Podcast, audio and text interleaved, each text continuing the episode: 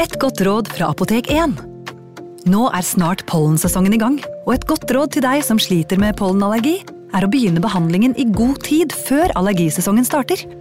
Da får du nemlig enda bedre effekt av legemidlene, og så blir ikke våren din helt ødelagt.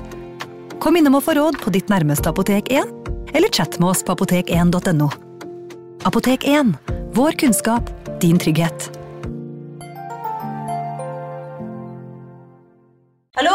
Jeg kommer fra Oslo politikammer. Ine Jansen er purk. Er du purk? The motherfucking bitch. Alt jeg vil, er å finne ut hva som skjedde med mannen min. Jon Carew. Er jeg sikta for noe? Iben Akeli. Det er du. Ole So, Lars Berrum og Big Daddy Karsten. Hvem sin side er du på, egentlig? Anette Hoff, Tone Danielsen, Kommer du fra Afrika? Jørnis Josef, Nesten. Kløfta. Trond Espen Seim, Det er synd å si det, men det var feil mann som døde. Purk. Premiere tirsdag på TV2 Play. Advarsel. I denne podkasten vil du høre historier basert på informasjon programlederne har funnet selv. Programlederne står ikke nødvendigvis inne for meninger og syn som fremstilles. Noen påstander kan avvike fra virkeligheten.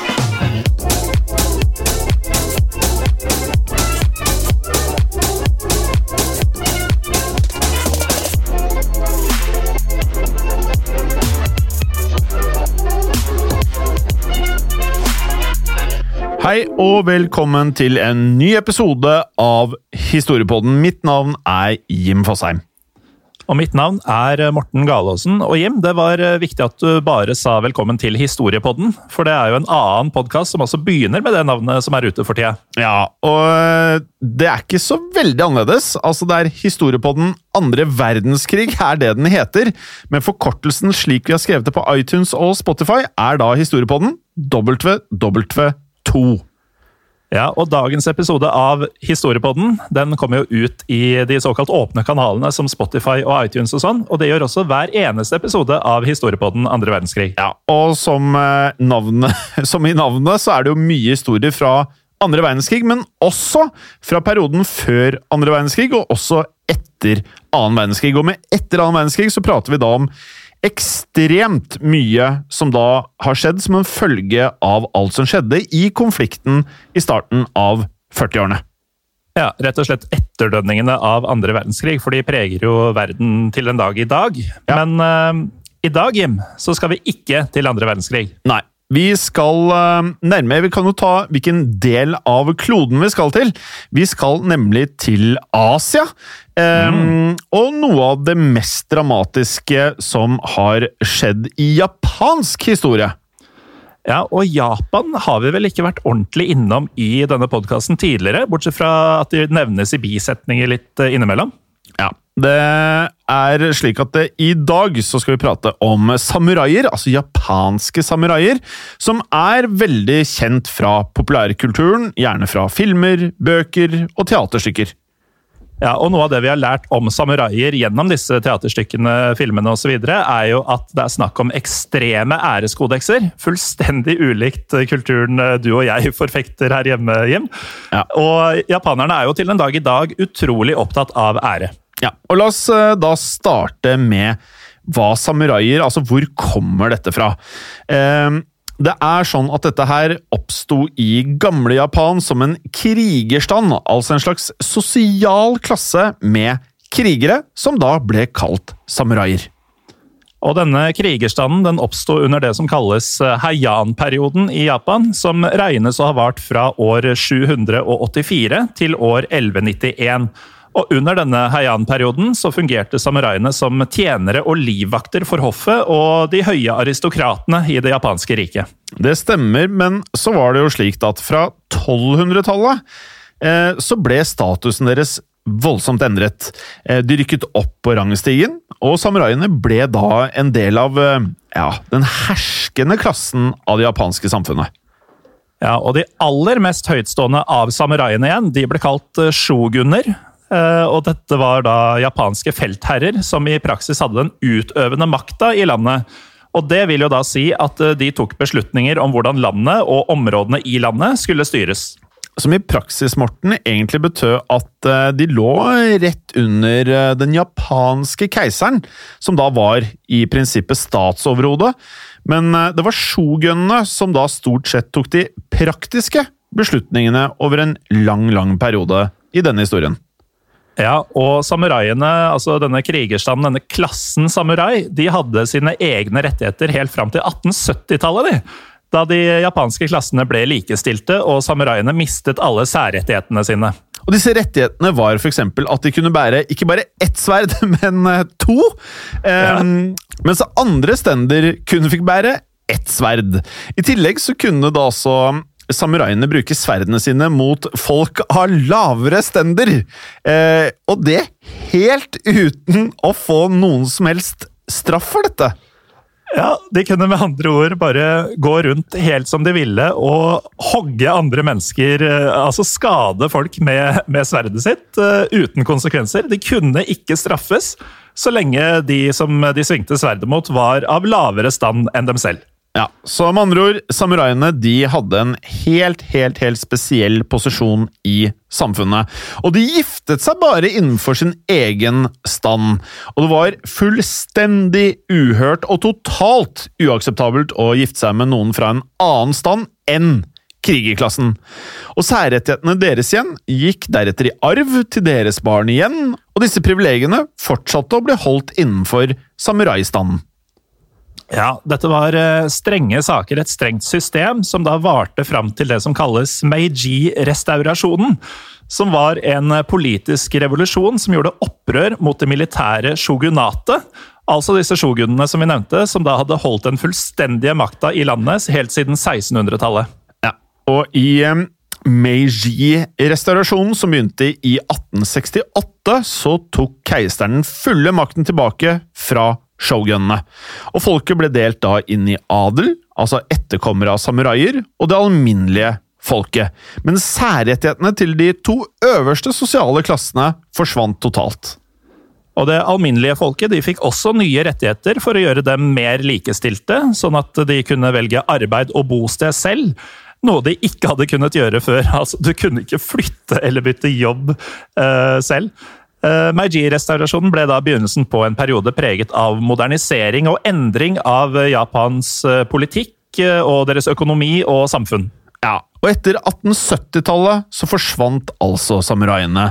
Men la oss nå skru tiden litt tilbake, nærmere bestemt april 1701. Det var en periode hvor samuraiene var svært mektige. Ja, og dette er da en av Japans mest berømte historier. Og um, historien starter med et besøk fra keiserens uh, utsendinger, som hadde kommet fra Kyoto for å besøke shogunatets hovedstad, altså um, byen der landets militære styre, som da var shogunatet, lå. Og shogunatet det hadde da en mektig shogun på toppen, og dette foregikk i byen Edo, som i dag er uh, kjent som Tokyo. Ja, og um, nå skal vi nevne at dette med ære, sofistikerte seremonier, formaliteter og uhyre spesifikke høflighetsritualer var mer eller mindre sentralt i det japanske liv på denne tiden. Når man da var så definert og bundet av denne sosiale klassen som de faktisk hadde, ble disse klassene gjennomsyret av forskjellige kjennetegn og ritualer for hvordan man forholdt seg til hverandre. Og dette betyr jo i sum at hvordan man framsto var ekstremt viktig. Det handla da om å ikke tape ansikt. Eh, det å tape ansikt var jo det verste som kunne skje dem. Og noe som fikk eh, reelle og alvorlige sosiale konsekvenser. Og det er, eh, det er jo fortsatt langt mer viktig å være formell i dagens Japan enn f.eks. her i Norge, hvor vi er ganske uformelle, men på den tiden var det helt ekstremt. Ja, så da keiserens utsendinger kom på et uh, formelt besøk til sjogunatet for å da også overbringe keiserens ønsker om et godt nytt år, da var alle formalitetene, seremoniene, høflighetsfrasene av enorm viktighet. Ja, som Egon Olsen ville sagt, alt var tima og tilrettelagt. Alt måtte gå etter punkt og prikke. Og Shogunatet ga to personer oppgaven med å ta imot keiserens eh, utsendinger. og Disse to måtte derfor få nødvendig opplæring i den offisielle hoffetiketten. Ja, og Noen kilder sier også at det uh, muligens var tre personer som fikk denne oppgaven, men at man bare har navnet på to av de. Det er uansett bare de to som er viktige for denne historien. i hvert fall. Ja, og disse to hadde tittelen daimio, daimyo, som kan oversettes som eh, lensherrer, eller om det skal være ordentlig fancy, kronvasall. Men uh, disse sto da under sjogunene, men som lensherrer så styrte de over visse områder. Og siden de ikke sto like høyt på rangstigen, så hadde de lite, eller ingen kanskje, kunnskap om den korrekte hoffetiketten. Ja, Den ene damioen som er sentral i denne historien, var den unge Asano Takumi no Kami Naganori. Den naila du, Jim. Ja. Takk. Ja. Enkelt og greit. Ja. Uh, og, og vi skal gjøre det enkelt og greit fra nå av, fordi i japanske navn så kommer etternavnet først. Så um, vi kaller han bare Asano fra nå av. Ja. Siden Asano og den andre damioen, Kamei Korechika, ikke var vante med etikette så høyt oppe på rangestiden, så skulle de få riktig opplæring av shogunatets seremonimester Kira Yoshihisa. Altså, Jeg er så imponert over japansken din og Jim. Ja, jeg kan si at jeg har øvd mye før innspilling. Ja, for det er jo en kjensgjerning for, for vante lyttere at det blir jo ofte litt kål med navn på språk vi ikke snakker. Ja, altså Jeg har fått så mye eh, DM-er på Instagram om ting jeg sier feil, hvor folk repeterer det sånn det skal høres, at jeg tenkte mm. nå faktisk gjøre noe med dette problemet. Ja, og iblant så klarer vi jo ikke norske navn engang, så dette er ordentlig Nå er det nivå på deg, som man sier. Takk. Men eh, det har seg jo da sånn at det var eh, visse ritualer og høfligheter som en så høytstående mann som seremonimester Kira forventet seg av disse daimioene han eh, aller nådigst lærte opp i etikette. Og det var forventet at de viste sin takknemlighet med store gaver. Ja, Og noen sier til og med at det også skulle komme et par gode bestikkelser på toppen av disse gavene. Ja, daimioen daimyoen Kamei uh, og den tredje daimyoen, som muligens også var der, men som vi ikke vet navnet på, de overøste seremonimester Kira med flotte gaver, som seg hør og bør. Men lensherre Asano han var ikke vant med denne gaveetiketten på samme måte, og stilte derfor bare med én eneste liten gave til seremonimesteren. Ja, og dette anså Kira som en enorm fornærmelse, bare for én gave! Han mente at det var helt naturlig å vise respekt med langt, langt større gaver enn det Asano hadde med seg. Han mente også at Kamei, som hadde brakt ham langt flere gaver, heller ikke hadde kommet med nok gaver. Og Det er også mulig at det ble en overensstemmelse og krangel mellom Asano og Kira. Eh, det er ikke helt klart i de historiske kildene. Men eh, Kira raste mot eh, Asano og Kamei, og da særlig Asano. Altså, Han rett og slett kjefta dem huden full. Ja. Og Kamei var rasende over å bli kjefta på av seremonimesteren, og ønsket da å ta hevn over Kira dersom han fortsatte å rope fornærmelser til dem i dette oppholdet.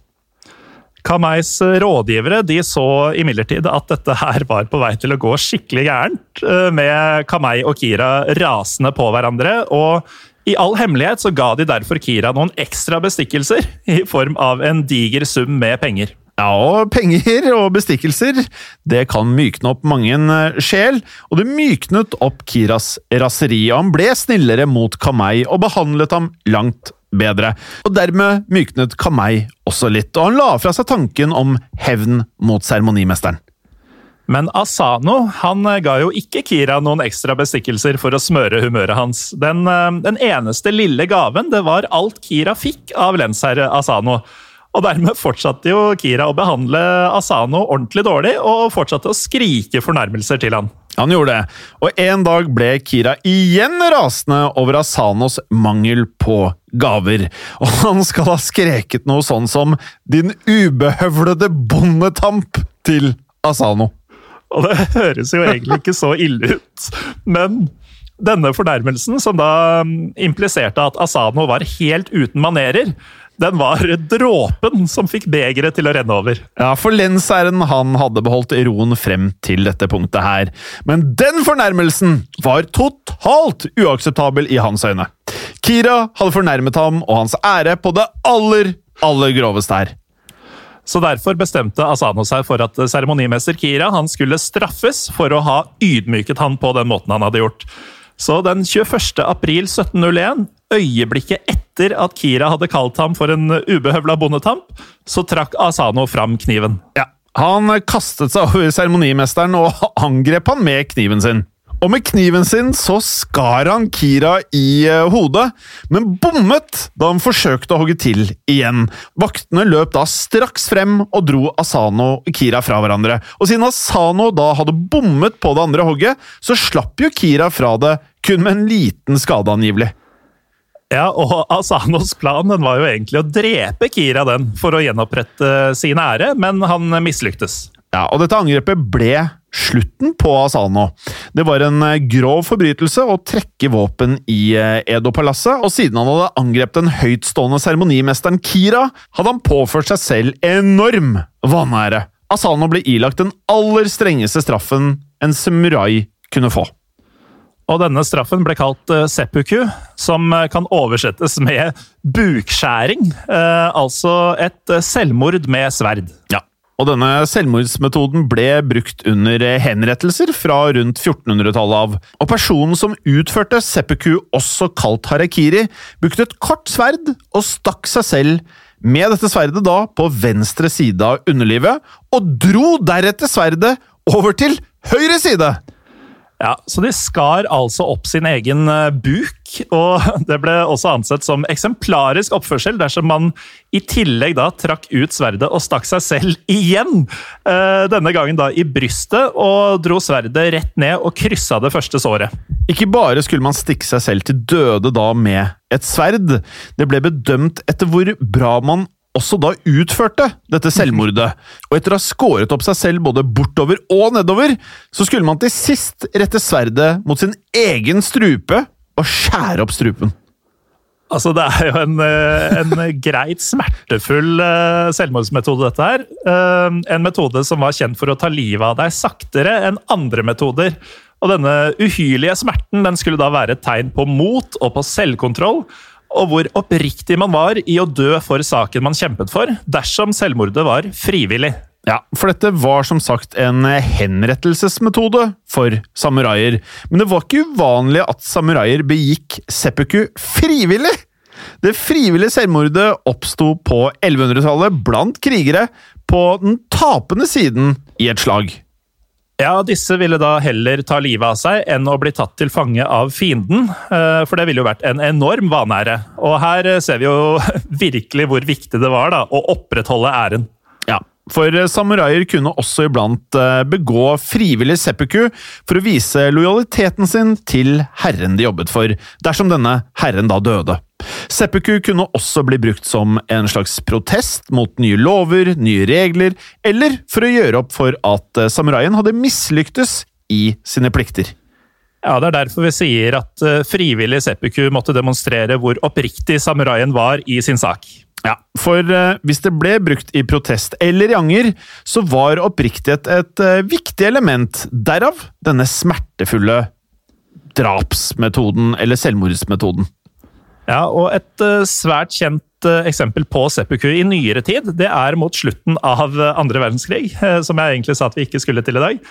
For i 1944 og 1945 så valgte flere høyerestående tjenestemenn i det japanske militæret å begå seppuku, da de skjønte at Japan ikke kom til å vinne krigen. Ja. Og seppuku som henrettelsesmetode vokste frem primært fordi at halshugging ble sett på som et tegn på vanære for samuraier. Lensherre Asano ble dømt til seppuku allerede samme dag som han overfalt Kira. Og ingen kunne motsi shogunatet, og Asano fullbyrdet dette selvmordet. Han drepte seg selv med sverd. Men eh, historien slutter jo ikke der. Den har faktisk bare så vidt eh, begynt. Og hva vi mener med det, det får dere høre etter en kort pause. Velkommen tilbake. En liten oppsummering fra før eh, pausen. Asano er død, men det er vel egentlig bare startskuddet for hoveddelen av dagens historie, Morten? Ja, for eh, Asano han hadde jo vært eh, lensherre over et område kalt eh, Ako, der han rådet over nesten 300 folk i hans tjeneste, og mange av disse 300 var jo samuraier. Og fem dager etter Asanos henrettelse så nådde nyheten om hans død frem til Ako. Ja, Asanos gods og land ble konfiskert av shogunatet. Samuraikrigerne som hadde arbeidet for Asano, hadde nå blitt det som kalles for ronin, eller herreløse samuraier, hvis vi skal beskrive det på norsk. Ja, altså De hadde da ingen herre som kunne støtte dem lenger. Asanos eh, familie hadde havnet i vanære over angrepet og henrettelsen i Edo-palasset, og mange av Asanos samuraier de var nå usikre på veien videre og hva de skulle gjøre. Ja, Så de fleste bestemte seg for å fortsette livet sitt eh, helt andre steder. Men 47 av disse herreløse samuraiene de gikk sammen i fellesskap om et helt nytt mål. De sverget nemlig da på at de skulle hevne sin herre Asano. Ja, for i deres øyne så var Asanos straff en stor fornærmelse. For det var nemlig relativt vanlig praksis at både gjerningsmann og offeret i slike tilfeller ble straffet, selv om det jo høres rimelig absurd ut for oss. Ja, For tanken var at offeret også ble straffet fordi hele angrepet og også hendelsen forstyrret freden. Offeret var på et vis også skyldig i at freden ble forstyrret. De ble ikke straffet like hardt som angriperen, men de ble altså sett på som medskyldig i bruddet på skikk og bruk her. Ja, og vi skjønner jo da at de sosiale reglene for hvordan man skulle oppføre seg, de overgikk alt, og selv da når man var et offer i saken. Og I dette tilfellet var det bare Asano som hadde blitt straffet, og seremonimester Kira hadde blitt fullstendig frifunnet for all skyld. Shogunatet mente altså at all skylden lå hos Asano, noe som la en mørk skygge over hans ære. Og De 47 herreløse samuraiene de mente at dette var en grov feil. Asano måtte hevnes, og Asanos ære måtte gjenopprettes. Og Det var da samuraiene selv som skulle hevne han. Problemet Morten, her var jo at eh, det var ulovlig. Visstnok kunne slektninger av den avdøde søke om eh, tillatelse hos myndighetene til å hevne sine døde familiemedlemmer, utrolig nok, men det kunne ikke de avdødes tjenere gjøre. Altså absurditeten i det å søke om tillatelse til å hevne seg. En litt annen form for byråkrati. ja, det kan du si. altså. Disse 47 rånin da, de visste da altså at de bega seg ut på en farlig vei. For eh, ikke bare skulle de ta en ulovlig hevn, men de ville også hevne seg på en mann som var skyhøyt på den sosiale rangstigen, så dette var jo enormt risikabelt. Det var det. De 47 Ronin ble ledet av en mann ved navn Oishi Yoshio, og han eh, ba de andre om å utvise stor forsiktighet i arbeidet. I en så æresfokusert kultur som den japanske var det ikke utenkelig at eh, krigerne kunne begi seg ut på hevntokt for å gjenopprette sin falne herres ære. Nei, og dette visste jo seremonimester Kira godt, så derfor var det sannsynlig at han kom til å være på vakt, mente Oishi. Og det hadde han jo helt rett i. Kira han styrket straks vaktholdet sitt og sendte ut spioner for å følge med på alt Oisho foretok seg. For de visste nemlig at han hadde vært lederen av samuraiene under Asano. Men rapportene som spionene sendte tilbake til Kira, de fortalte at det ikke var noen spor av sammensvergelse eller planer om hevn. For de 47 rånin de fant seg annet arbeid som munker eller håndverkere og dro hvert til sitt. Ja, Spionene rapporterte at eh, Oishu ikke lenger oppførte seg som en ærefull samurai. At han oppførte seg tvert imot som en mann som hadde kastet alle tanker om ære på sjøen. Han eh, skilte seg fra konen sin, besøkte bordeller og skapte pinlige opptrinn i offentligheten. Han drakk seg også rett og slett snydens og gikk rundt i gatene mens han eh, falt og snøvla til folk. Og dette var jo da eh, veldig alvorlig i et samfunn der eh, disiplin og rigide regler det var alfa og omega. Ja, og Som man da sikkert skjønner, så ble jo dette her da ansett som fullstendig æreløst og en uakseptabel oppførsel. Ikke noe man forventet av en som tok ære spesielt alvorlig. Og det virket heller ikke som han hadde nok kontroll over seg selv til å planlegge noen form for hevn. Og sånn gikk det i eh, halvannet års tid. Rapportene viste ingen tegn til at Asano skulle hevnes, eller at Kira var i fare. Og dette beroliget jo etter hvert eh, seremonimesteren, som eh, slakket litt og litt mer ned på vaktholdet. Ja, for det virket rett og slett som om ingen pønsket på noen som helst form for hevn, og at Asanos samuraier hadde gått videre i livene sine. Men sannheten var noe ganske annet. Disse 47 herreløse samuraiene de var nemlig svært tålmodige. Og sakte, men sikkert så sørga de alle for å samle seg i Edo. Mange av dem skaffet seg arbeid i nærheten av, og da med tilgang til, Kiras bolig. Ja, Vi nevnte jo at mange ble håndverkere, og at mange av de arbeidet med vedlikehold på Kiras eiendom. Og en av dem gikk faktisk så langt at han giftet seg med datteren av byggherren, som da hadde bygget Kiras bolig, slik at han da kunne få tak i plantegningene. Ja, Så med at uh, lederen Oishi hadde vært på fylla i halvannet år, og dette andre foregikk, så snakker vi en ordentlig langtidsplan. Og uh, I ro og mak så skaffa de seg våpen og lagde seg lette rustninger av uh, f.eks. mynter og jernringer som de sydde på tøystykker. Og Samtidig som de drev med alt dette, så overvåka de Kira, for de ville jo ha fullstendig oversikt over livet hans mens de planla den endelige hevnen. Ja, Man kan jo ikke annet enn å applaudere denne tålmodigheten her, da. For de kunne jo ikke forhaste seg, for Kiras bolig var nærmest som et fort. For rundt hele eiendommen gikk det en høy mur, og langs innsiden av den lå vaktboligene. Og i midten lå private boliger, små hager og også embetshus. Og hele 180 samuraier, altså vakter og tjenestefolk, de beskytta Kiras hjem. Asanos 47 eh, samuraier var altså i klart mindretall, og de visste at de måtte være både smarte og ikke minst raske om de skulle klare å innta boligen og drepe Kira. Ja, og det skulle da ta nesten to år fra Asanos død til hans eh, herreløse samuraier slo til. Ved midnatt den 30. januar 1703 skulle de 47 mennene endelig høste fruktene av sitt tålmodige arbeid. Og akkurat denne natta så var eh, Edo dekket av et tykt lag med snø, og denne snøen den dempa jo lyden av skrittene til samuraiene. Og kulda den hjalp også, for den gjorde at uh, veldig få ville oppholde seg ute. Og følgelig så var det ingen som så 47 ronin nærme seg Kiras eiendom. Ja, alle hadde to sverd, selve kjennetegnet på deres rang som samuraier. Et langt sverd og også et kort sverd, og mange hadde også med seg spyd, slegger, buer, også økser, i tillegg til stiger da, til å klatre over muren. Noen hadde også med seg små lamper, og alle hadde med seg en fløyte, slik at de kunne varsle hverandre.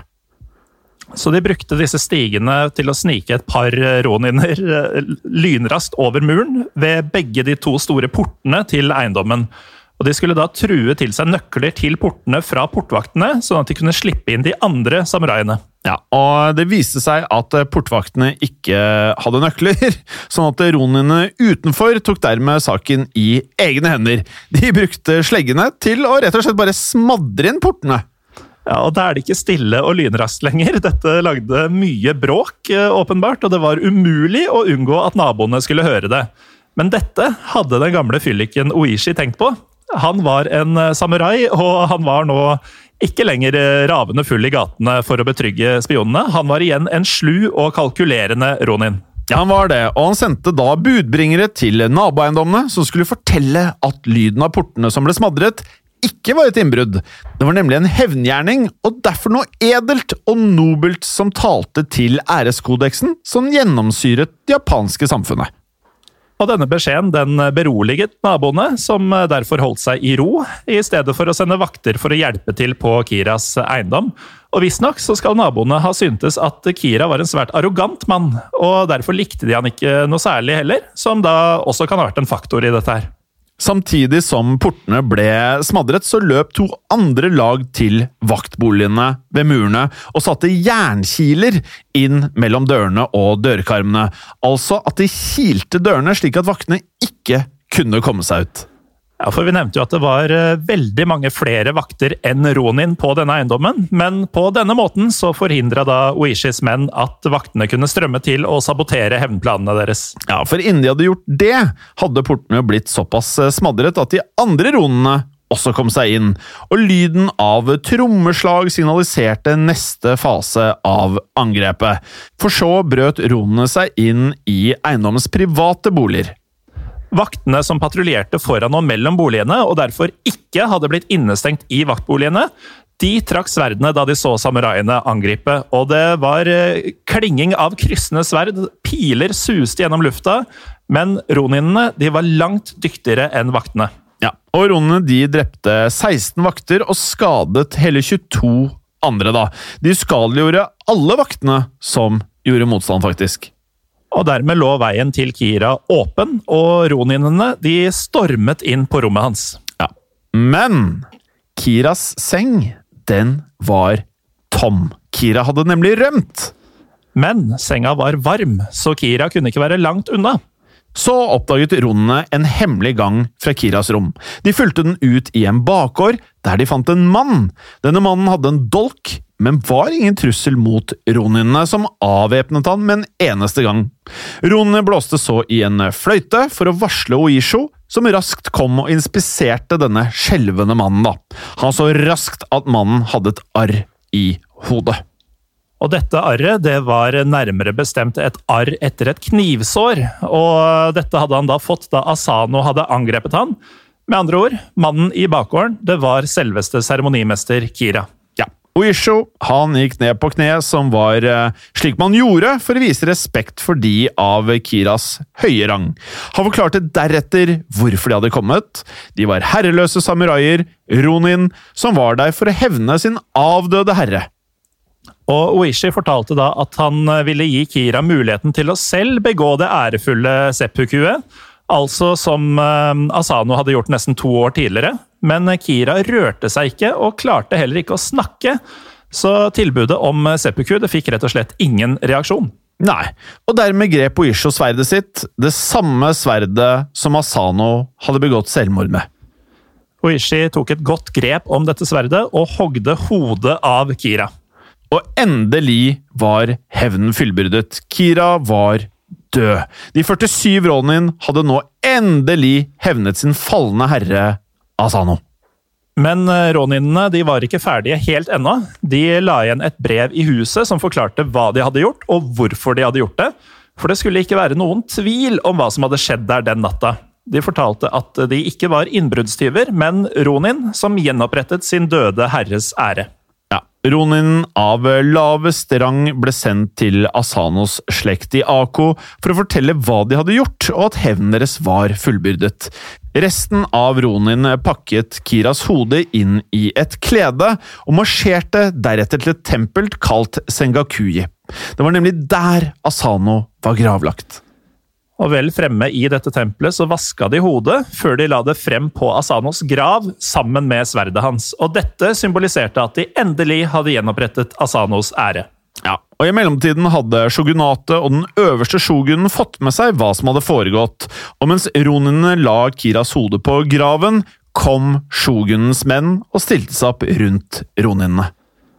Roninene ga alle pengene sine til tempelherren og ba om at de skulle få en god begravelse, og deretter så lot de shogunens menn arrestere dem helt uten motstand. For utenom den ene roninen som da ble sendt på oppdrag til Ako, så ble de 46 andre roninene arrestert og satt i husarrest. Og de visste veldig godt hva som ventet dem. Den 20. mars 1703 ble alle 46 funnet skyldig i å forstyrre freden i Edo og for å ha konspirert mot shogunen og hans menn. Og straffen for dette var eh, selvfølgelig selvmord, det velkjente seppuku. Og alle de 46 de fullbyrdet denne straffen samme dag. Ja, Likene deres ble kremert, og asken ble også begravd ved siden av Asano. Den eh, siste roninen, som het eh, Kichiemon, han unnslapp faktisk denne straffen. Etter en stund så kom han tilbake fra Ako og ble faktisk benådet av keiseren. Så mest sannsynlig så døde han først i 1747, eh, da i så fall i en alder av 87 år. Mm. Kiras familie kom etter hvert til tempelet for å hente Kiras hode, og tempelet har fortsatt kvitteringen med signatur på at hodet ble hentet. Tempelet skal også fortsatt ha klærne og alle våpnene som roninene brukte, i tillegg til trommen som ble brukt under selve angrepet. Og Det er jo ganske fett, og tempelet er jo, sånn vi har forstått det, åpent for de som vil komme og se gravene til de 47 ronin. Og det har også et museum der man kan se på gjenstandene som ble etterlatt. Ja, jeg har jo i lang lang tid jeg har aldri vært i Japan, men jeg har jo planlagt å ta meg en tur, så kanskje liksom sånn topp tre destinasjoner jeg ser for meg eh, post koronavirus. Ja, helt enig. Jeg har alltid vært voldsomt fascinert av Japan, men det føles liksom for langt unna. Men uh, jeg er veldig klar for en tur dit uh, når verden er litt mer normal igjen, Jim. Ja, men, Kanskje sammen? Kanskje det. Kanskje det. Kanskje. Og denne historien om dette hevntoktet det ble jo ekstremt eh, populært i Japan. Og det ble skrevet både dikt og fortellinger om denne ærefulle hevnen som de sto for. Eh, og det ble skrevet, eh, tilfeldigvis kanskje, 47 teaterstykker om hendelsen innen 1844. Så ville var folk etter historien. Ja. Og I nyere tid har det kommet to japanske filmer, i henholdsvis 1941 og så sent som i 1994. Samt en eh, Hollywood-versjon, som eh, sikkert mange som hører på dette har sett, som heter 47 Ronin. Den ble utgitt så sent som i 2013. Men eh, akkurat den Hollywood-versjonen den skal visstnok ha ganske lite med virkeligheten å gjøre. Så om man vil se en film som holder seg mer til den virkelige historien, så er det kanskje bedre å ta en kikk på de japanske filmene i stedet. Ja, Gi oss gjerne litt feedback på, på, hvor man eventuelt kan se den. Jeg har prøvd å google litt. Jeg har eh, fortsatt ikke funnet, uh, funnet noe sted hvor man kan streame den. Men del det gjerne på Facebook-gruppen vår Historie for alle, om du finner et sted man kan streame den. Ja, og denne historien er jo da fortsatt utrolig populær, åpenbart, og japanerne ser det som en utrolig historie om ære og lojalitet. Det er jo vanskelig å være uenig der, Jim. Um, og vi syns jo også den er uh, imponerende, og kommer tilbake neste uke, da på Podme, med en annen spennende historie fra virkeligheten. Ja, og hvis du ønsker eh, mer historiepod, men ikke nødvendigvis vanlig historiepodden, så sjekk ut historiepodden andre verdenskrig. Den kommer hver eneste uke på iTunes, Spotify og alle andre steder der du hører på podkast. Det er riktig.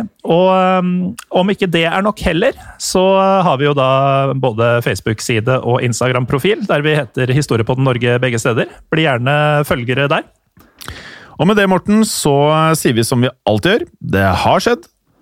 Og det kan skje igjen. Ha det bra. Ha det.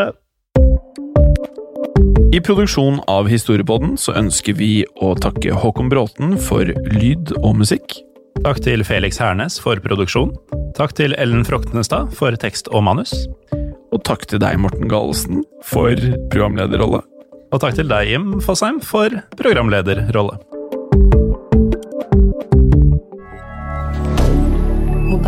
Media. Har du et enkeltpersonforetak eller en liten bedrift?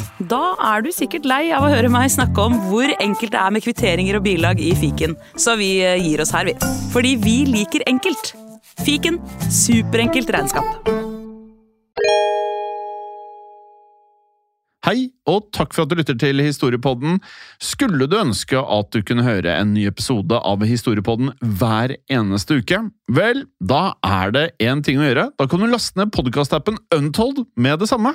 For i tillegg til ukentlige episoder av podkaster som Historiepodden andre verdenskrig, Henrettelsespodden og også Gangsterpodden, så får du masse annet reklamefritt og også eksklusivt innhold. Last ned Untold i AppStore eller Google Play og start din 30 dagers gratis prøveperiode allerede i dag.